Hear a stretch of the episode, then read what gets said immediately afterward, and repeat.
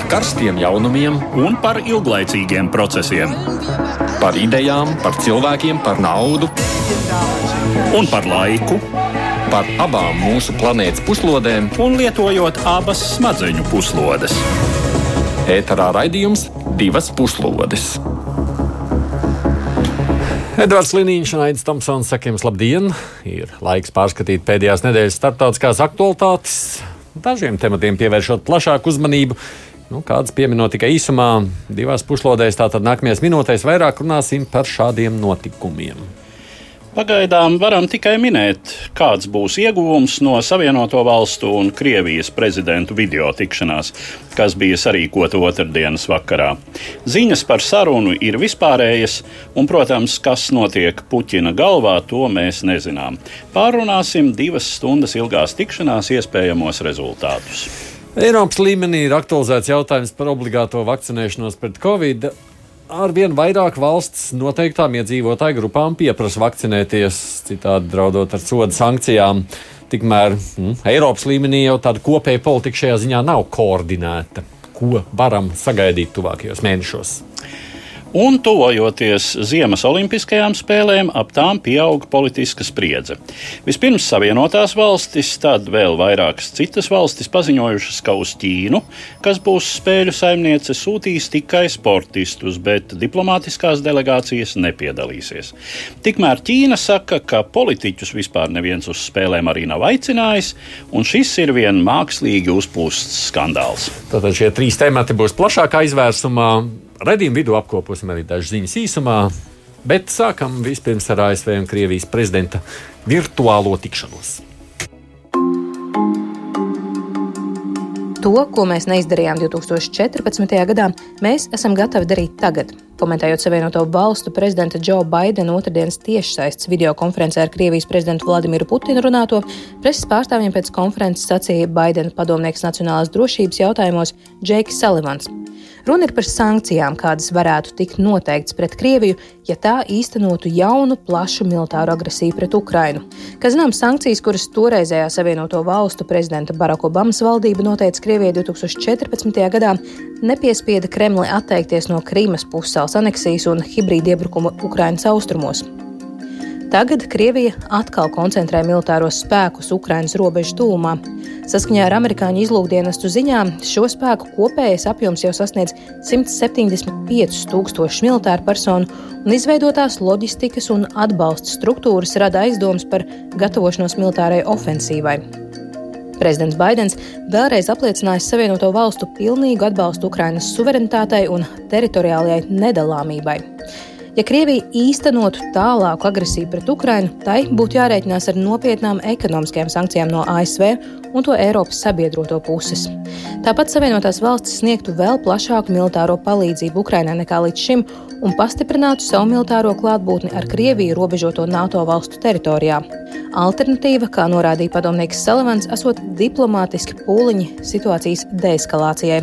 Citējot, Savienotās valstis un mūsu Eiropas sabiedrotie iesaistītos plašākā diskusijā, kas aptvertu strateģiskus jautājumus, tostarp mūsu strateģiskās bažas Krievijas sakarā un Krievijas strateģiskās bažas.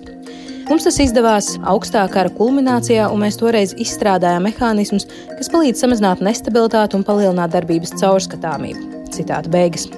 Kā jau bija sagaidāms no prezidenta Putina izteikumiem pirms videokonferences, Krievija no savas puses uzskata Savienoto valstu un NATO darbības kā savas drošības apdraudējumu. Iespējama Ukrainas iestāšanās Ziemeļatlantijas aliansē tiktu uztverta kā tieši drauds, un Krievija vēlētos, lai tiktu sniegtas starptautiski tiesiskas garantijas par NATO tālāku nepaplašināšanos austrumu virzienā. Studijā kopā ar mums ir arī ārpolitikas institūta direktora vietnieks. Viņš arī ir Rīgas Traģiņu universitātes docents Kārlis Bukovskis. Sveiks, Kārli! Sveiks! Nu, ir kāda jēga no šīs virtuālās tikšanās prezidentiem? Nē, tas ir labi, ka cilvēki vispār runā savā starpā. Mēs ļoti labi atceramies, ka 60 gadus atpakaļ abas divas Krievija, nu, tādā brīdī Padomju Savienība un, un ASV viena ar otru nerunāja, un mēs gandrīz pie Armagedona nonācām kodolraķešu izvietojumu dēļ. Tā kā nu, tas, ka šī sarkanā līnija eksistē, un ka šoreiz mēs varbūt tādā, kas, kas saka, ka unikāls gadījums, ka, ka, ka video konferences formātā, bet es domāju, ka tas jau ir iepriekš tāpatās lietot, lietots formāts, nu, ka tomēr šī vismaz vismaz saziņa notiek, saruna notiek. Nu, te jau spekulācijas, ka Putins gribēja tāpēc visu savilkt karaspēku atkal pie robežas. Baidenam nekas cits neatlika arī parunāties. Nu, šajā gadījumā, nu, kā saka, viens, viens pats jau tango nedējos. Tā kā nu, šajā gadījumā Putina kungs izdomāja, ka viņam, ka viņa, ka, ka viņam ir šī situācija, situācijas nopietnības līmenis jāpaukstina ar savām darbībām. Tā kā viņš vēlās sevi, sevi parādīt un pastāstīt. Nu, NATO ārlietu ministru samits notiek pie paša robežām. Baltkrievijas jautājums ir aktuāls. Ukraina, Ukraina dara visu, lai pārliecinātu rietumvalsts, ka viņai ir jāpievienojas NATO. Gruzija arī līdzīgi soli spēr nu, Krievijas, Krievijas pozīciju. Nu, atkal, Skatoties, aicinājis arī iepriekš no Krievijas, Krievijas darbībām, lai kā mēs esam varbūt tās pieraduši skatīties emocionāli, bet īsti nevajadzētu. Nu, tur tā ir tīri racionāli skatoties, nu, Krievija lielā mērā iziet no, no aizsardzības pozīcijām. Ja mēs paskatāmies uz to, ka nu, šī valsts ir milzīga, viņai ir ļoti daudz uh, kaimiņu valstu, ar kurām lielāko daļu viņai nav tās pašas labākās attiecības. Pie tiem teritoriāliem izmēriem 140 miljonu iedzīvotāji, nu, tas nav tas pats uh, vieglākais process, kuru risināt. Un viņiem ir bail, ka NATO viņiem uzbruks. Un viņiem ir, nu, tas ir, ir divi, divi iemesli. Viens, viena lieta, ka viņiem ir faktiski arī nu, baiļu izpratne, kas ir veidojusies, ir klasiska, un NATO ir bijis klasiskais draudz, uzbrukuma draudz, kas, kas Krievijai ir pastāvis. Otra lieta, ka, nu, protams, tā, tā teikt, pašmāju patēriņam arī šī ideja tiek veicināta. Respektīvi, tā nav jauna ideja. NATO bija problēma arī Padomju Savienības jā, laikā. Un tagad šobrīd vienkārši nu, tas, tas tiek turpināts uzturēt. Vienkārši no NATO viedokļa ir grūti iedomāties, ka NATO nekad nees, ne, neuztver to, ka viņi kādam varētu uzbrukt, bet bet, uztver, ka viņi kādam varētu uzbrukt. Te jau pat nav uzbrukt, jautājums par to, ka vai, kā, kā, kā NATO patiesībā domā, bet par to, kā tiek formulēts, nu, kas viņi tādi ir. Viņi ir mūsu ienaidnieki un, un punkts. Un pašmāju patēriņam Krievijā Latvijā tas ir nepieciešams, politikas veidošanai tas ir nepieciešams. Šajā gadījumā nu, mēs ļoti labi zinām, ka 20 gadus vairāk atpakaļ bija ļoti daudz idejas arī par NATO-Krievijas padomus eksistenci un to, ka šajā gadījumā varētu šī tuvināšanās notikties. Bet, nu, kā mēs zinām, tā situācija ir attīstījusies tāda, kāda viņa ir. Un ne jau NATO tā līdz galam īsti pirmā sāk to. Ja, Edvards, savukārt šī saruna varētu kaut ko palīdzēt. Nu, Nomierināt vienam otru, Nu, Par to nu ir grūti pateikt. Nu, jautājums, kurš, kurš ir satrakojies? Runājot tādā veidā, satraucies, satraucies. satraucies. Jā, nu, nu, redz, Kārlis jau, saka, ka Krievija satraucies. Jā, nu, Kārlis jau arī ļoti pareizi raksturoja to situāciju. Es varbūt vēl piebilstu pāris nianses, ka patiešām nu, es nedomāju, ka kāds Kremlī nopietni uzskata, ka NATO varētu perināt agresīvus plānus pret Krieviju, jo nu, kāda vispār no tā uh, NATO būtu jēga un vajadzība. Uh, cita lieta, kā pirmkārt, protams, ir šī prezidenta Putina domāšanas īpatnība par Padomju Savienības sabrukumu, kā ģeopolitisko katastrofu, par nepieciešamību atjaunot impēriju un tā tālāk. Uh, viss šis priekšstatu komplekss, kura ietvaros faktiski, es domāju, ka Putina galvā tas ir diezgan skaidrs. NATO jau ir veikusi agresiju Krievijas virzienā.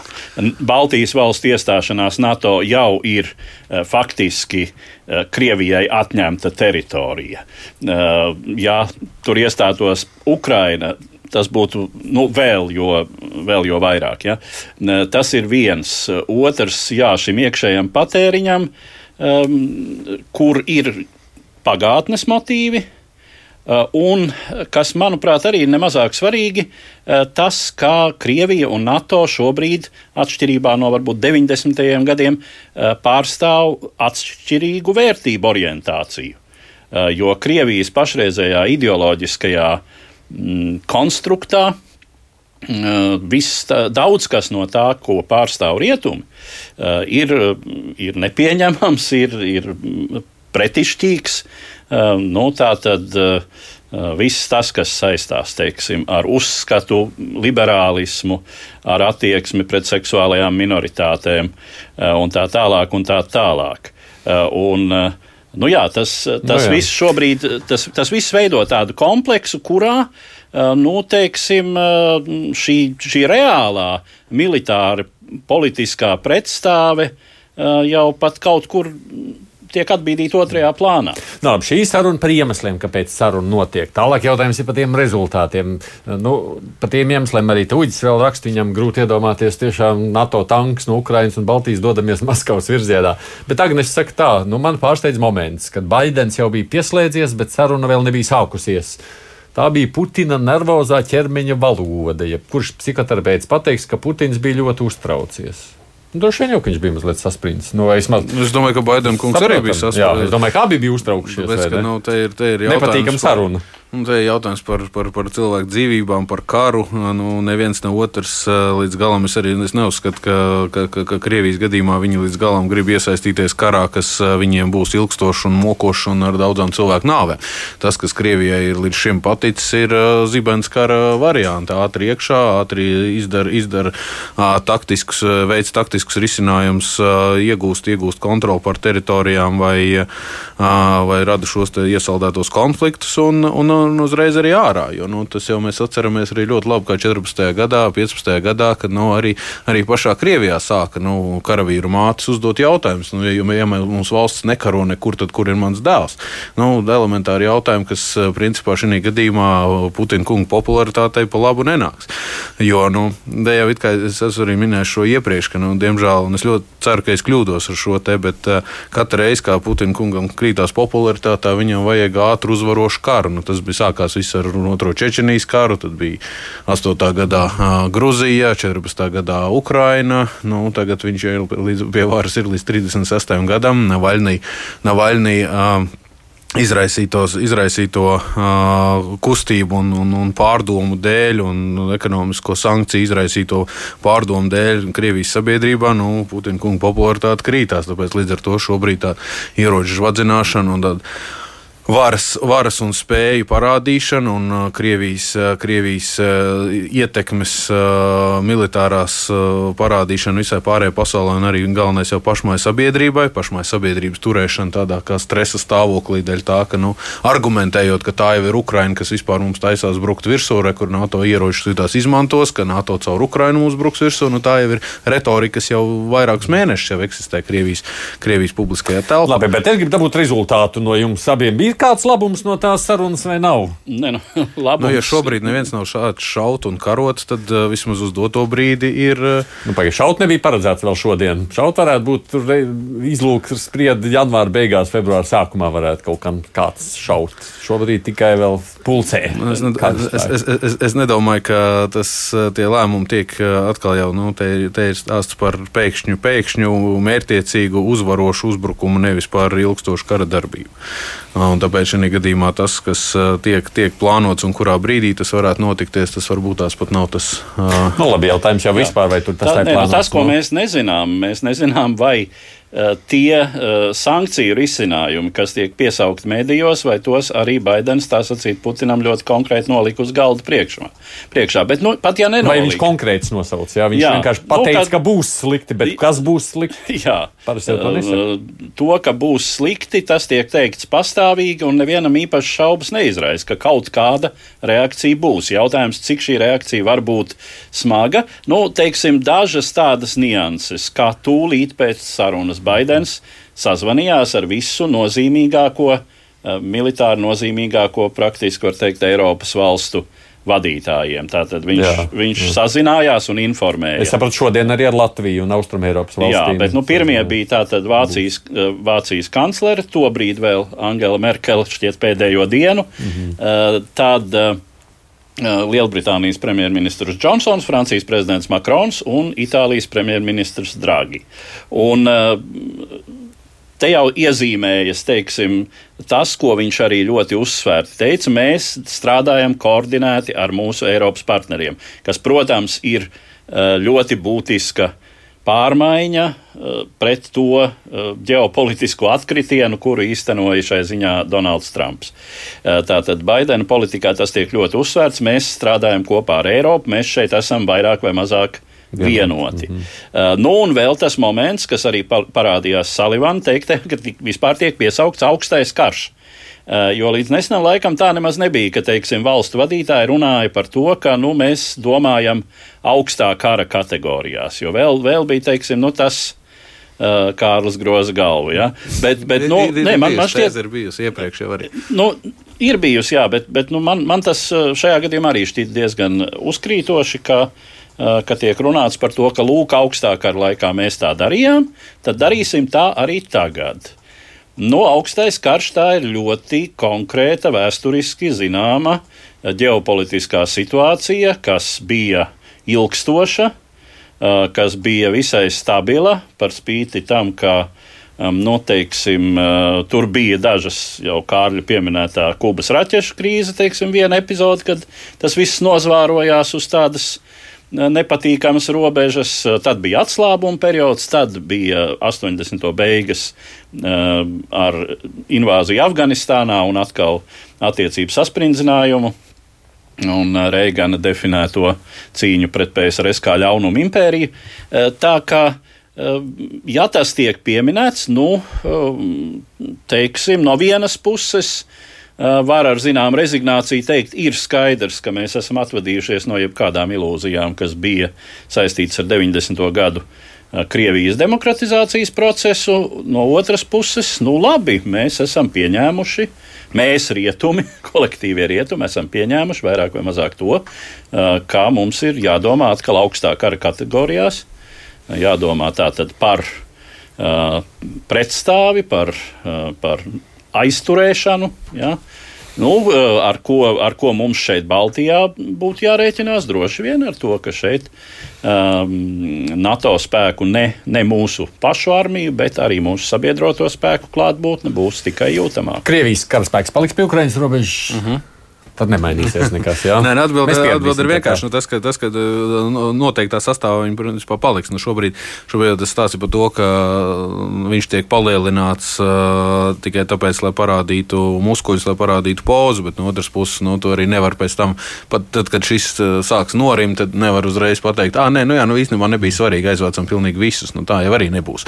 Tāpēc šī gadījumā mēs, mums ir jārēķinās, ka nu, tas, ir, tas ir tas, ko Krievija arī skaidri un gaiši mēģina pateikt. To, ka, Spriedzi tiks uzturēti. Jā. jā, un ir šī nianse, ka. Un plus tas arī viņa eh, atvainojiet. Um, vēl ir jautājums arī par to, kā es teicu, nu, Krievija iziet tomēr no aizsardzības pozīcijām. Pat uh, vairāk nekā jau nu, reizēm, reizēm tā rīcība ir bijusi labākā, labākā aizsardzība ir uzbrukums. Bet uh, tas, kas šobrīd ir arī, nu, ja viņi, ja viņi Ukrainu redz kā potenciālu Uzbruku, uzbrukuma, uzbrukuma vietu, caur kuru viņi, viņiem ir vājums, tad. Uh, Jo no Ukraina, Ukrainas retorika jau ir, protams, konstanti bijusi un ir leģitīmi saprotama par to, ka nu, mūsu austrumu reģionos karš īstenībā nav beidzies. Mums Krīma ir vēl, vai mums Krīma ir jāatgūst. Nu, un te ir stāsts par to, ka šis, te, šis te situācijas sāsinājums, nu, viņš spēlē vairākas lomas no Krievijas viedokļa raugoties. Viena lieta, viņi faktiski mēģina panākt tādā veidā, eskalējot to, ka, ka varbūt kāds piekritīs beidzot Krīmu atzīt par Krievijas daļu, tikai tāpēc, kā vienkārši, nu, nu tad labi, nu, tad ņemiet to Krimu, bet tikai beidziet eskalēt to situāciju.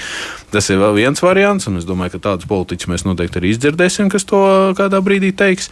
Bet uh, otrs aspekts ir arī jautājums par uh, to, ka ar vien lielāku un ekonomiski smagāku problēmu Krievijai kļūst tā pati Baltkrievija ka nu, šajā gadījumā tās sankcijas, kas ir pret Baltkrieviju vērstas, tas uh, Baltkrievijas uh, režī, reži, re, režīmam resursu samazināšanās faktiski ir uh, jākompensē ar Krievijas resursiem. Tu gribi teikt, ka visās šajās sarunās, kas tagad turpināsies, vēl Baltkrievija būs iesaistīta? Nu, bet neviens, neviens stāsts nav tikai vienkārši, vienkārši viena situācija. Jā, tieši tā.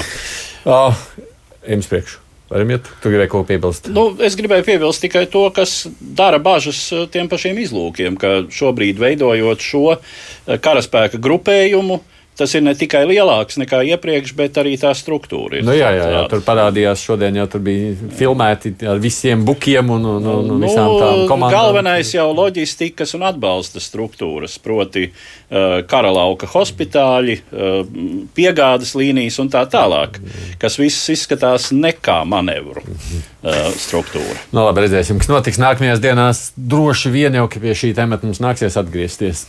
Bet nu, pievēršamies citam tematam. Par vakcināciju parunāsim. Tad Covid. Paklausāmies vispirms ierakstu. Austrija ir pirmā no rietumu pasaules valstīm, kas paziņojusi par nolūku ieviest obligātu visu iedzīvotāju vakcināciju pret covid-19 vīrusa infekciju.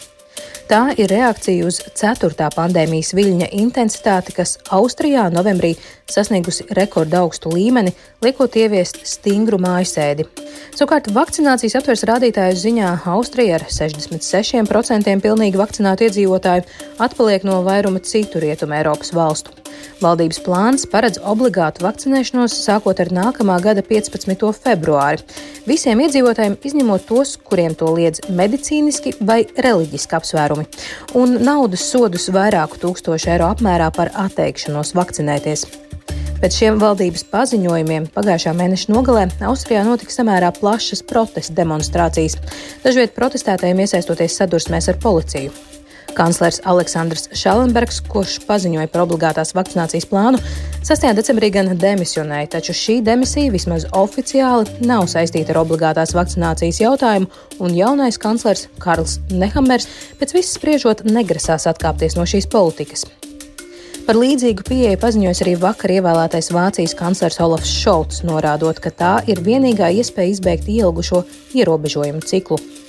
Ja Vācijas Bundestāgs pieņems attiecīgu lēmumu, Obligāta vakcinācija varētu tikt noteikta februārī un martā. Grieķija, kur vakcinācijas aptvere ir 63%, jau novembra beigās noteikusi obligātu vakcināciju personām, kas vecāks par 60 gadiem, nevakcinētajiem piemērojot 100 eiro ikmēneša naudas sodu. Drīz pēc tam Eiropas komisijas prezidenta Urzula Fonderleina komentējot situāciju ar jaunās Covid-19 mutācijas straujo izplatību, pieļaus iespēju noteikt obligātu vakcināciju visas Eiropas Savienības mērogā. Šāds lēmums gan neizbēgami izraisītu paredzamu pretreakciju, kas izpaudīsies gan kā protesti, gan uz vakcīnu skeptiķiem orientētu politisku spēku ietekmes pieaugums. Divas puslodes! Uh, runājot par vakcinācijas, tikai atgādinu, ka uh, mēs esam studijā pašlaik divi un vēl būs sazvanīšanās, bet vispār diskusija Eiropas līmenī par vakcināciju. Vispār iespējams, ka Brisele tā tad izdod rīkojumu visiem obligāti vakcinēties. Tas nav iespējams, vai ne? Nu, tas nav iespējams. Nav iespējams. Nu, nav nav iespējams. Eiropas Kārli. Savienībai. Nu, šis, šis ir pats pirmais, kas ir jāpasaka. Eiropas komisijai nav tādu tiesību sākt kādu vakcinēt. Eiropas Savienības līmenī šo jautājumu var lemt tikai konsultatīvā nozīmē. Nav Eiropas komisijai iedotas tādas kompetences lemt par veselības Ne. sistēmu kā Jā. tādu, kur nu vēl par piespiedu vakcinēšanā. Nedod Dievs, kāds tiešām padomās, ka Lajens teiciens, kas bija, ka nu, vajadzētu paskatīties, padomāt par to, ka varbūt Eiropas Savienības valstīm vajadzētu veikt šo obligāto vakcinēšanos. Kāds uztvers to, ka tā ir Eiropas komisijas eh, pavēle, rīkojums, regula vai kaut kas tamlīdzīgs. Tas tā nav nekādā veidā. Un tas ir vienkārši principā, viņas, viņas vēlējuma izteiksme vai pārdomu izteiksmē eh, teikts teikums, bet par to atbildīgs ir tikai un vienīgi Nacionālās dalībvalsts.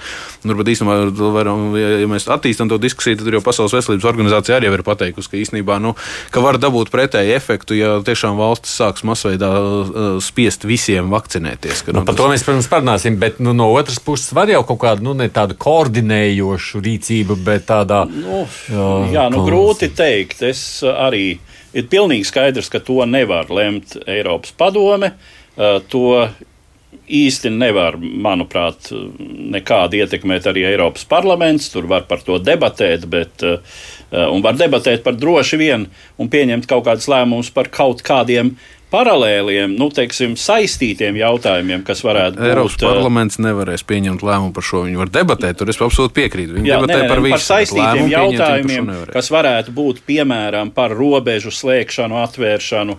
Nu, uh, kas jo, liekšana, ka, jā, ka var ielaist iekšā tikai vakcinēts. Nu, var jau kaut kā tādas Nu, lietas, eh, kas tur varētu jā, lemt. eh, ne? To var eh, Jautājums ir par Eiropas padome, padomu, Eiropa jā, par, par, Eiropas, eh, par. Eiropas Savienības padomi.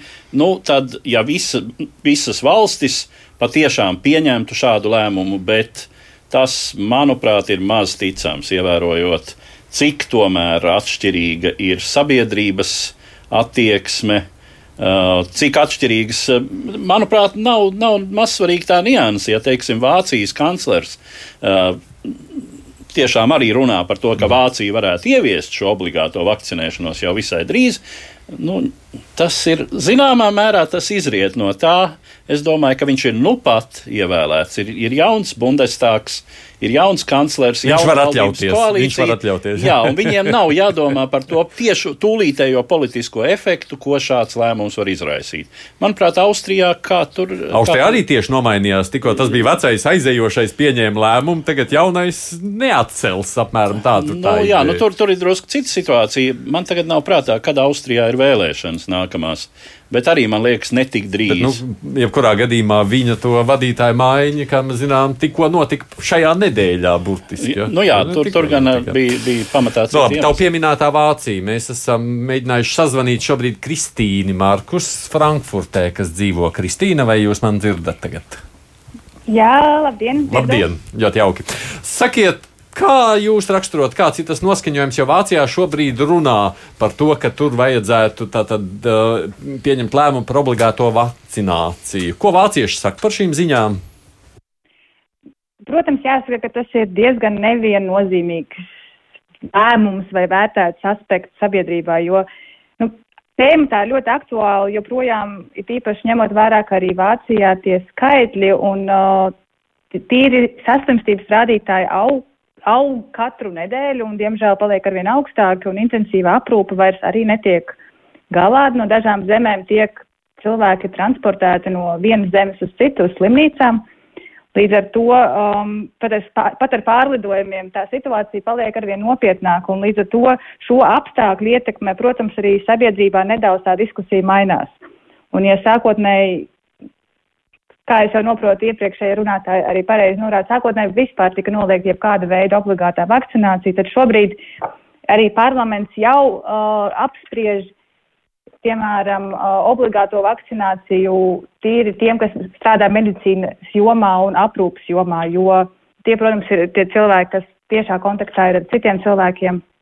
Un līdz ar to te jau notiek sk- skaidras debatas, uh, teiksim, likumdošanas līmenī par absolūto vakcinācijas tādu lēmumu un obligāto vakcināciju. Protams, joprojām ir liels diskusijas, jo nu, nav, nav jau noslēpums. Tas ir, tas ir, tā, tas ir liels, liels ierobežojums gan tiesībām uz pašnoteikšanos, gan privātās dzīves neaizskaramību. Līdz ar to tiek smagi apspriest, vai tas ir samērīgi, vai tas ir pareizais brīdis šobrīd, vai, vai vakcīnas šobrīd, kas ir izveidotas, ir tieši tas atbilstošais līdzeklis, un vai tas tiešām šobrīd arī, teiksim, ir tiešām juridiski arī skatoties, ir pareizais brīdis lemt ko tādu, bet tas, tas tiešām tiek ļoti aktīvi diskutēts un, un gan politiskā, gan arī sabiedrības mm. līmenī. Bet jūs paredzat, ja nu, es saprotu, ka Bundestāgā šīs diskusijas varētu būt līdz gada beigām, tātad jau šajā decembrī.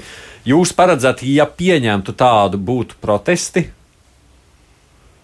Noteikti, ka būtu jā, jo arī šobrīd notiek protesti arī pret par, parasto vakcināciju kā tādu, jo ir, ir, ir Vācijā arī attiecīgas kustības, kas, kas attiecīgās arī zemēs diezgan aktīvi vēršas pret tādu valstu uzurpēšanos, tā, tā, tāda ar, ar, teiksim, vakcinācijas uh, ar jautājumiem kā tādiem. Mm -hmm. Paldies, Kristīne! To, to es nevarētu izslēgt. Jā, jā. nu jā, skaidrs. Jā. Paldies, Kristīne, par uh, sarunu veltīto laiku mums. Paldies. Kristīne, mēs sazvanījām Frankfurtē.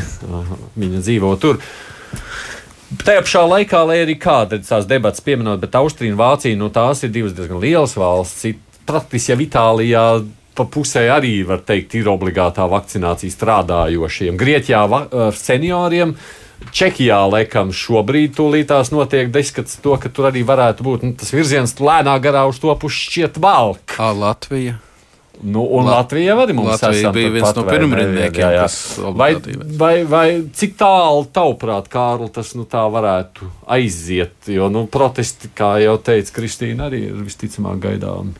Nē, nu, tas jau tas, ko es arī sāku minēt, ka pat Pasaules veselības organizācija saka, ka Galējam līdzeklim tam gal, jābūt. tam ir jābūt pašam galējākajam līdzeklim, un uh, tikai tad, ja tā situācija kļūst vēl, vēl, vēl nopietnāka. bet attiecīgi spiest, spiest absolūti visiem, visiem šobrīd vakcinēties nu, un, un, un piemērot sodus par nevakcinēšanās, kas būtu ārpus, ārpus jau šī samērīguma principa, cīm redzot, nu, tas politiski un tīri nu, arī no sabiedrības izpratnes viedokļa varētu nebūt tas pats vienkāršākais risinājums un diez vai arī būs.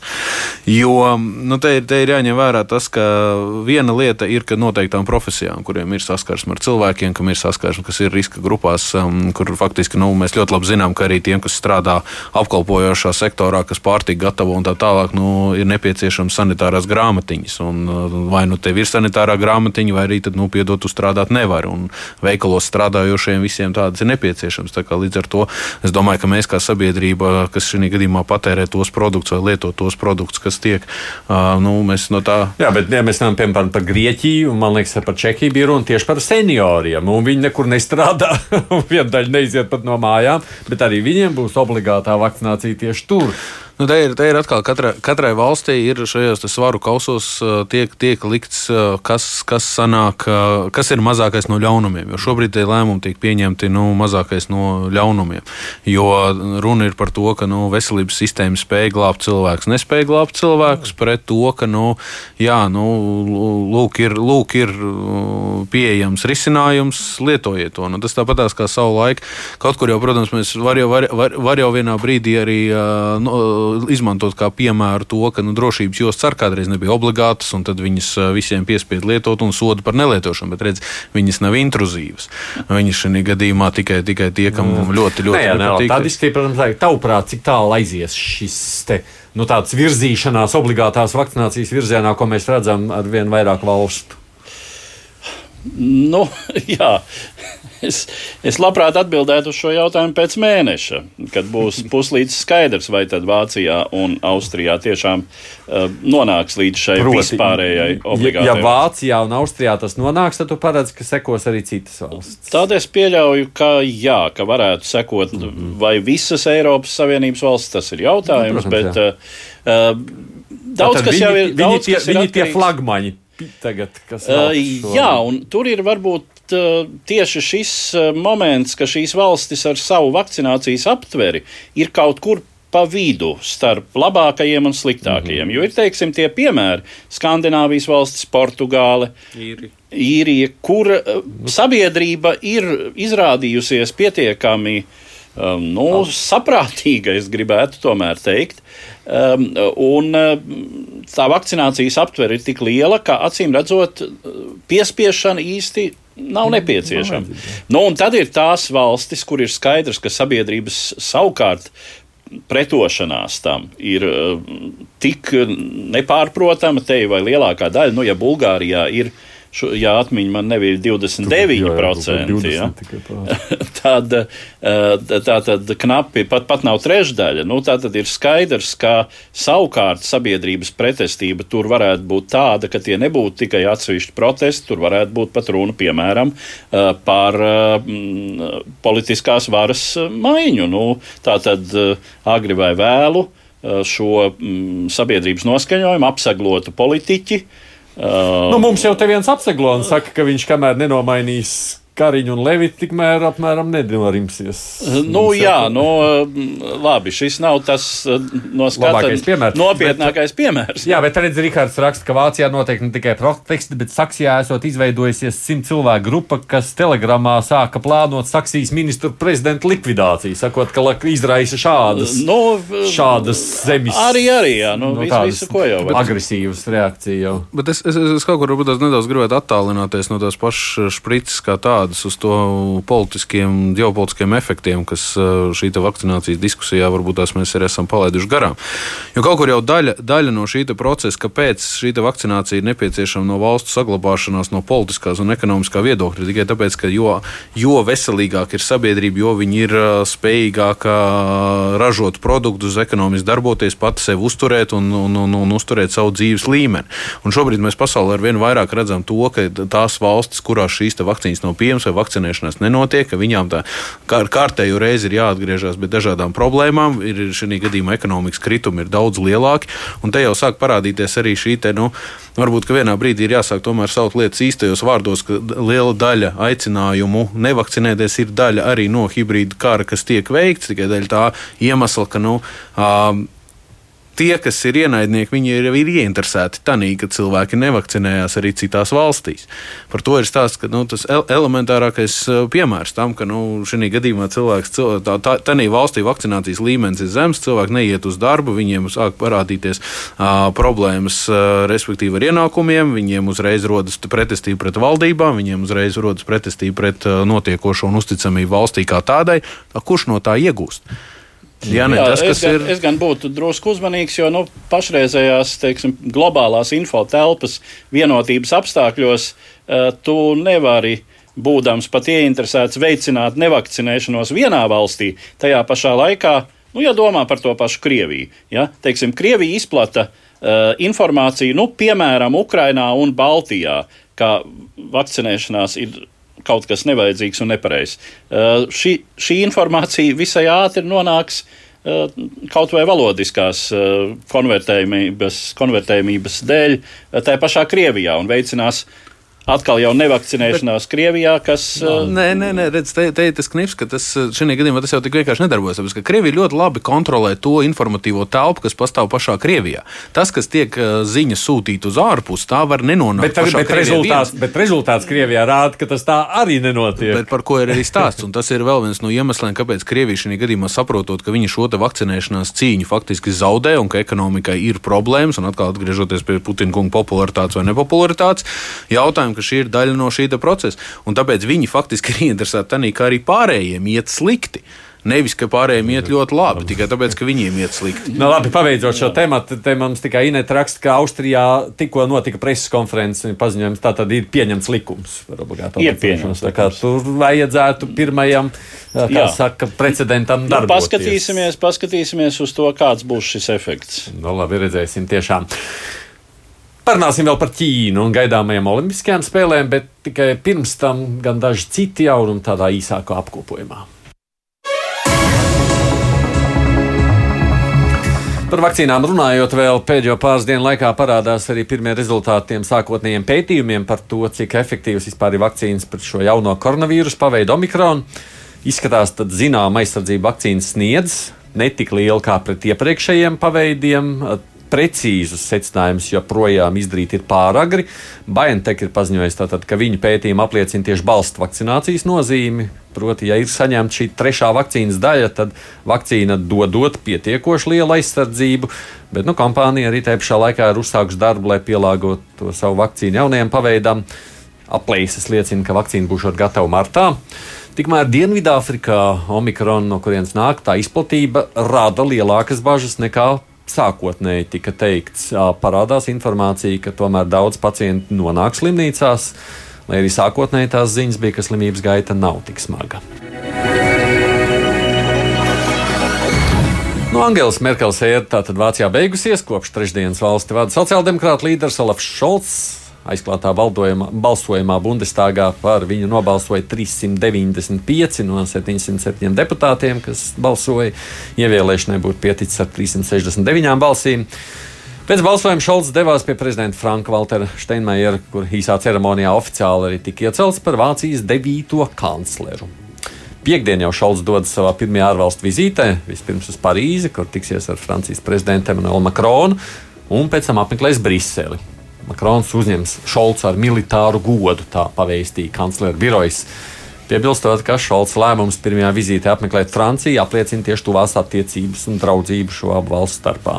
Bet Briselē viņam būs tikšanās ar Eiropas komisijas prezidentu Ursulu Fonderleinu un Eiropas padomus priekšsēdētāju Šarlu Mišelu. Politiķi apspriedīs nākamā nedēļa gaidāmo Eiropas Savienības samitu. Baltkrievija Latvijai noteikusi sankcijas. Protams, ne tikai Latvijai, visai Eiropas Savienībai, ASV, Kanādai, vēl virknei valstu. Tā esot atbilde uz rietumu noteiktajām sankcijām. No 1. janvāra Baltkrievija tad, tad neļaus importēt virkni pārtikas produktu, kas nozīmē, ka Baltkrievijā nenonāks rietumu gaļa, piena produkti, augļi, dārziņu, kontorijas izstrādājumi, citas ēdam preces. Ievest varēšot tikai personiskajam patēriņam nepieciešamo un arī bērnu barošanai paredzētos produktus. Nu, tiek lēsts, ka Baltkrievijas noteiktās sankcijas būs nepatīkamas ne tikai pašiem Baltkrieviem, bet arī Krieviem, jo līdz šim Baltkrievija tika izmantota kā placdarms, lai ievestu to rietumu pārtiku Krievijā, kur līdzīgs embargo jau darbojas kopš 2014. gada. Eiropas Savienības finanšu ministra apstiprinājuši jaunas bloka noteikumus par pievienotās vērtības nodokli, kas dos valstīm lielāku rīcības brīvību samazināt likmi klimatam draudzīgām precēm un pakalpojumiem. Vienošanās, kur bloka dalībvalstu finanšu ministra apstiprināja pirmdien, paredz, ka valdības varēs samazināt vai atcelt PVN elektriskiem velosipēdiem, saules paneļiem un tam līdzīgām precēm, kā arī tādiem pakalpojumiem kā atkrituma pārstrāde. Savukārt pretējā virzienā līdz 2030. gadam pakāpeniski ir jāceļ visi PVN atvieglojumi fosilējiem kurināmajiem un citiem produktiem, kas rada daudz izmešu.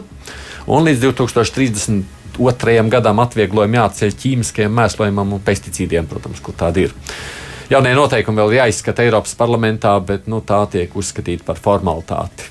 Vai un ko no šīm iespējām izmantos Latvija, protams, tas vēl nav zināms. Nevienlīdzība pasaulē turpina pieaugt. Turklāt aizas starp bagātiem un nabadzīgajiem pandēmijas laikā ir kļuvusi neaptverami plaša. Tā rāda otrdien publicētais pētījums, sakot, ka miljardieru rokās atrodas rekordliela daļa pasaules bagātību. 1% pasaules bagātāko cilvēku kontrolē trešo daļu no visas bagātības, kas ir uzkrāta pēdējo 25 gadu laikā. Kamēr pusē no visas pasaules iedzīvotājiem pieder vien 2% no kopējā labuma. Pandēmijas pusotra gada laikā bagātnieku ienākumi pieauguši par vairāk nekā 3,6 triljoniem eiro, bet 100 miljoni cilvēku pievienojās galējas nabadzības rindām. Žurnāla Forbes reāla laika reitings liecina, ka katram no desmit bagātākiem cilvēkiem pieder vairāk nekā 100 miljardi ASV dolāru, un deviņi no pasaules desmit bagātākajiem joprojām ir amerikāņi. Nu, tāds vēl bija dažs cits ziņas īsākā apkopojumā, bet nu, laiks mums vēl ir pievērsties vēl vienam tematam, proti, retorikai ap gaidāmajām Olimpiskajām spēlēm. Vispirms ieraksts. Pirmdien Baltais nams oficiāli paziņoja, ka uz nākamā gada februārī paredzētajām Ziemas Olimpiskajām spēlēm Pekinā neieradīsies Savienoto valstu valdības pārstāvi. Kā diplomātiskā boikota iemesls tiek minēti cilvēktiesību pārkāpumi Ķīnas Tautas Republikā, konkrētāk genocīds pret musulmaņu minoritāti Sindzjānas Uiguru autonomijā reģionā. Kā uzsvērusi Baltānam oficiālā pārstāve Dženep Sakī, šis valdības lēmums nekādi nenozīmējot mazāku atbalstu Savienoto valstu sportistiem, kuri piedalīsies Olimpiādē. Jau iepriekš par līdzīgu diplomātisko boikotu bija paziņojusi Austrālija, kā iemeslu tāpat minot situāciju Sindzjānā. Tāpat Lielbritānijas premjerministrs Boris Džonsons, atbildot uz jautājumu parlamentā, apstiprinājis, ka uz Pekinu nedosies Britu valdības pārstāvji. Vakar par savas valsts pievienošanos boikotām paziņoja arī Kanādas premjerministrs Justins Trudeau. Tāpat mediji ziņo, ka līdzīgu soli apsverot arī Japāna un Nīderlande, savukārt Jaunzēlandes valdības pārstāvji nolēmuši neapmeklēt Pekinu kā iemeslu gan minot pandēmijas situāciju. Vienīgais no ietekmīgāko pasaules valstu līderiem, kurš līdz šim apstiprinājis savu ierašanos Pekinā uz Ziemas olimpiādu, ir Krievijas prezidents Vladimirs Putins.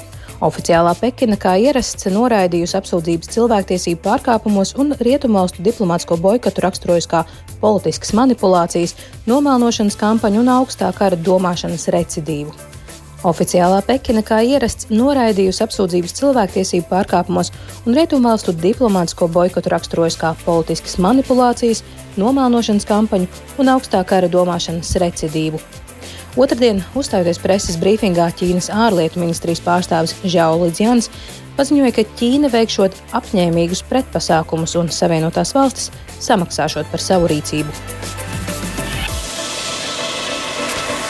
Atgādījums šeit studijā esam mēs ar Eduardu Liniņu, ārpolitikas institūta direktora vietnieks RSU docents Kārls Bukovskis. Kāda nozīme vispār šiem paziņojumiem? Tātad politiķi uz sporta spēlēm nedosies. Tam vispār ir kaut kāds saturisks pienesums sporta spēlēs politiskajai delegācijai, Kārli. Nē, nu, praktisks pienesums laikam ir tik daudz, cik sporta spēles tiek izmantotas, lai uh, bilaterāls un nu, divpusējs vai daudzpusējs sarunas veiktu uh, uz vietas. Aizbraukt, uz Ķīnu, parunāt. Sas, nu, iemesls iemesls ir pa, pavadīt un atbalstīt, un no otras puses varam, varam arī pie viena parunāties par īstajām lietām. Bet um, tas, kas, tas, kas šajā gadījumā svarīgākais, ir tas, ka jā, nu, sports, sports un politika ir klasiski tiek jaukti tikai dēļ tā, ka sports ir populāra lieta, un ļoti daudz politiķu, protams, vēlās uz šī popularitātes viļņa celt arī savu popularitāti. Nu, kad tu atrodies tur blakus un tu parādi, ka tu atbalsti, tu esi viens no savējiem. Pat, ja tu... Vai Latvijā reizēm tas nozīmē, pasties, ka listērē valsts naudu, lai varētu pavēlti piedalīties politiskajās sporta spēlēs? Nē, bet par to, par, par to jau arī runa, un tur ir, tur ir liela daļa taisnība šajā aspektā, ka nu, šāda te braukšana uz, uz, uz, uz, uz sporta spēlēm ir, ir, ir faktiski nu, izklāj, vairāk izklaides braucieni nekā viņi ir ar, ar lielo pievienoto vērtību. Kaut ko mainīs tas, ka šādi paziņojumi tur nāk no Vācijas, no, no ASV, Kanādas, Lielbritānijas? Nu, tā ir, es teiktu, nepieciešama mm, nepieciešams žests, lai demonstrētu savu attieksmi pret to valsti, kurā šajā gadījumā tās sporta spēles notiek. Jo, protams, Olimpiskās spēles tas ir Uh, visos laikos bijis uh, ļoti prestiži, protams, tajā valstī, kur šīs spēles rīko. Mm.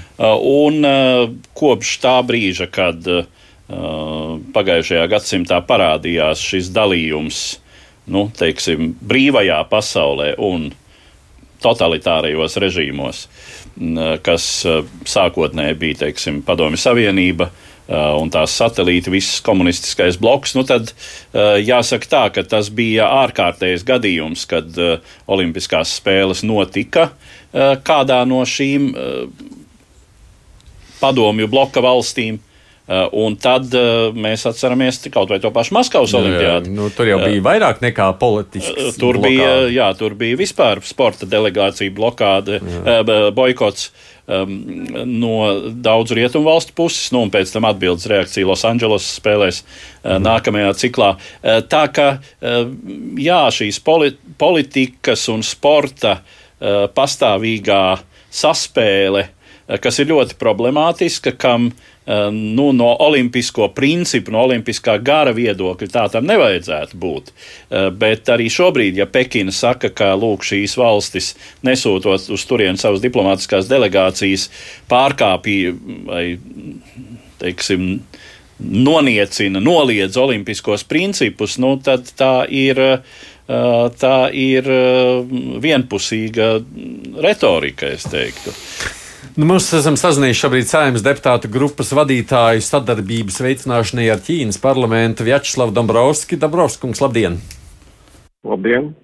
Ko sakāt, Latvijai arī vajadzētu sekot uh, ASV, Kanādas un citu lielo valstu pēdās, nesūtam savējos uz Ķīnu? Sadarbības grupas uh, ar Ķīnu vadītājs nu, pēc definīcijas nekad nevarētu aicināt uh, uz kaut ko tādu. Bet ko jūs sakāt vispār par visu šo nu, retoriku, kas ir apkārt ap uh, politiskajām spēlēm šobrīd? Lūk, es, protams, ka neesmu ārpolitikas eksperts, bet uh, manā skatījumā pasaulē atgriežas pie tādu divu lielvaru centru strateģiskas sacensības, kur uh, no vienas puses, protams, ir uh, Amerikas Savienotās valstīs ar uh, saviem sabiedrotiem, un uh, no otras puses ir uh, Ķīna ar saviem sabiedrotiem. Un es domāju, ka tas ir pasaules uh, arī mūsu intereses, lai šī liela sacensība, uh, nu, lai tas attiecības tiktu nokārtotas tādas ekonomikas, tautsēmniecību, inovāciju sacensības veidā, kur uh, garāka laika posmā kļūstu skaidrs, kurš modelis, kurš bloks ir ekonomiski un zinātniski spēcīgāks, jā, kurš ir lielākais, tā teikt, paraugs visam citām valstīm. Un es domāju, ka tas noteikti nav pasaules intereses, lai tas attiecības būtu nokārtotas trešas pasaules kara veidā, kurš noteikti būs arī kodolkarš. Es domāju, ka tieši šādi uz to vajag arī skatīties. Un tām cilvēktiesībām tām mēs varam tā kā spļaut virsū. Ja? Es domāju, ka vislabākais veids ir nespļaut virsū cilvēku tiesībām savā valstī. Mājas savukārt attiecībā uz to, lai uh, mācītu uh, citus un pie tā ļoti tālos valstis par to, kā viņiem respektēt savas cilvēktiesības. Nu, šeit ir jāsaprot, ka katra, katra šāds gājiens, katram šādam gājienam būs sēkas. Mēs varam paskatīties uz mūsu kaimiņu Lietuvu, kurš drusku cita žanra, bet ir uzsakusi sarunas, ja es nemaldos, pie sevis nodibinājusi Taivāne par starpniecību. Un mēs redzam, ka Ķīna noraidīja momentāli un noraidīja ļoti āsi un ļoti būtiski, faktiski liedzot uh, Lietuvas uzņēmumiem jebkādu pieju savos tirgus. Kā esmu dzirdējis, pat, nu, pat iet uz tādu diezgan bezprecedenta soli, kā izdešot Lietuvu no savam tirdzniecības datubāzam, kā jebkurš Lietuvas uzņēmums, kurš vēlētos kaut kā vai nu tirgot Nu jā, es Ķīnu pat- vai jā. kaut ko sūtīt Ķīnai, nu pat tehniski vispār, kā tādas valsts neeksistē. Atsakot, mēs par Lietuvu, protams, parunāsim nākamajā reizē. Mums tādi plāni, bet jūs sakāt, ir svarīgāk nauda, nevis tās cilvēciskās vērtības. Es, es to nesaku.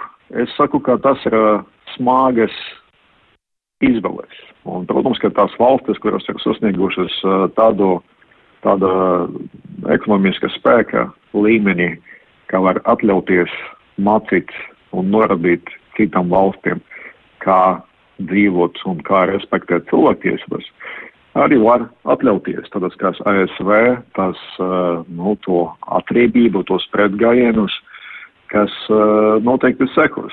-hmm. Vai mēs Latvijā esam izauguši līdz tādam līmenim, nu, es, es, es atstāšu jo, šo jautājumu arī jums un visiem klausītājiem, kā redzēs gaits. Mm. Labi, paldies. Jašlovs Dombrovskis ir saimnes deputāta grupas vadītājs sadarbības veicināšanai ar Ķīnas parlamentu. Uh, mēs par Lietuvu tiešām grasāmies vēl parunāt nākošajā reizē un attiecībām ar Ķīnu, kas tur šobrīd veidojās. Bet tikai pāris minūtēs noslēdzot par šo nu, sports.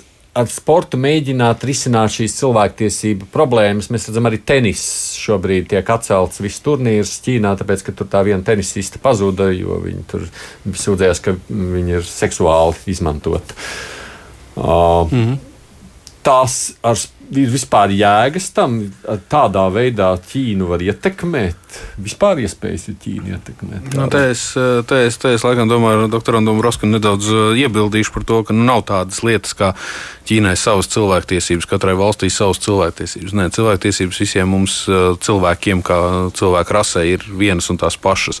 Un, fakts kā tāds, ka ka mēs attiecamies pret jebkādu veidu pārkāpumiem bez kompromisiem, un uh, tas, ka paši nevienmēr esam bijuši varbūt tās perfekti, nenozīmē, ka mums ir vienkārši jānoskatās no malas, kā, kā tiek izvarota cilvēka un pazūd bez vēsts pēc tam, un kā tiek, kā tiek sterilizēta cilvēka, kā viņi tiek darba nometnēs sadzīti iekšā, un, un, un, un pēc tam viņa produktu par lētu naudu tirgot pasaulē un mūsu veikalos. Es domāju, ka tas tie, tie absolūti ir pilnīgi, pilnīgi dažādas kategorijas. Un, uh, es domāju, ka šī gadījumā pateikt skaidri un gaiši Ķīnas valdībai, ka nu, mums nepatīk tas, ko jūs darat. Sports ir sports, bet uh, mēs te šoreiz politiku uzskatiet, ka mēs spēlējam politiku, bet nu, mēs, nu, mēs nenāksim pie jums un roku nespiedīsim par to, ko jūs darat. Es domāju, ka tas acīm redzot, tomēr sūta, sūta signālu par to, ka nu, šāda uzvedība nav pie, pieejama.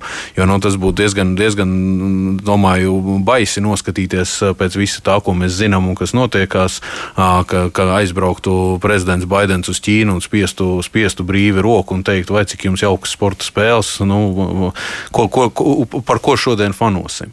Nu, tas, tas, tas, tas būtu godīgi sakot, vienkārši kā, kā mazākais tas būtu ļoti, ļoti, ļoti um, slikta gaume, un, bet faktiski tas būtu, tas būtu vienkārši ārkārtīgi neētiski un pat, un pat nodevīgi pret tiem cilvēkiem, kas cieš. Mm, Jābeidz. Latvija, ko darīs, tavuprāt, Edvards, desmit sekundēs? Nezinu, vai mūs tur ir aicinājuši, Vai kā, ne? kā Ķīna ir teikusi par daudziem. Mēs arī varētu ietaupīt naudu un nesūtīt nevienu politisko delegāciju. gal galā ir? Covids. Vai ne? Covid, kā starp citu Jaunzēlanda to pateica. Ārpolitikas institūta direktora vietnieks un RSU docents Kārlis Bukovskis. Paldies, Kārli, ka atnāci šeit uz raidījumu. Raidījumu līdzautors esam mēs, Edvards Liniņš un Aits Tamsons, producenti jau Zeiza. Tiksimies mēs ētrā atkal pēc nedēļas. Ķīnu noteikti pieminēsim, lūkosim vēl kādu notikumu, būs notikuši nākamo dienu laikā. Saku visiem visu labu!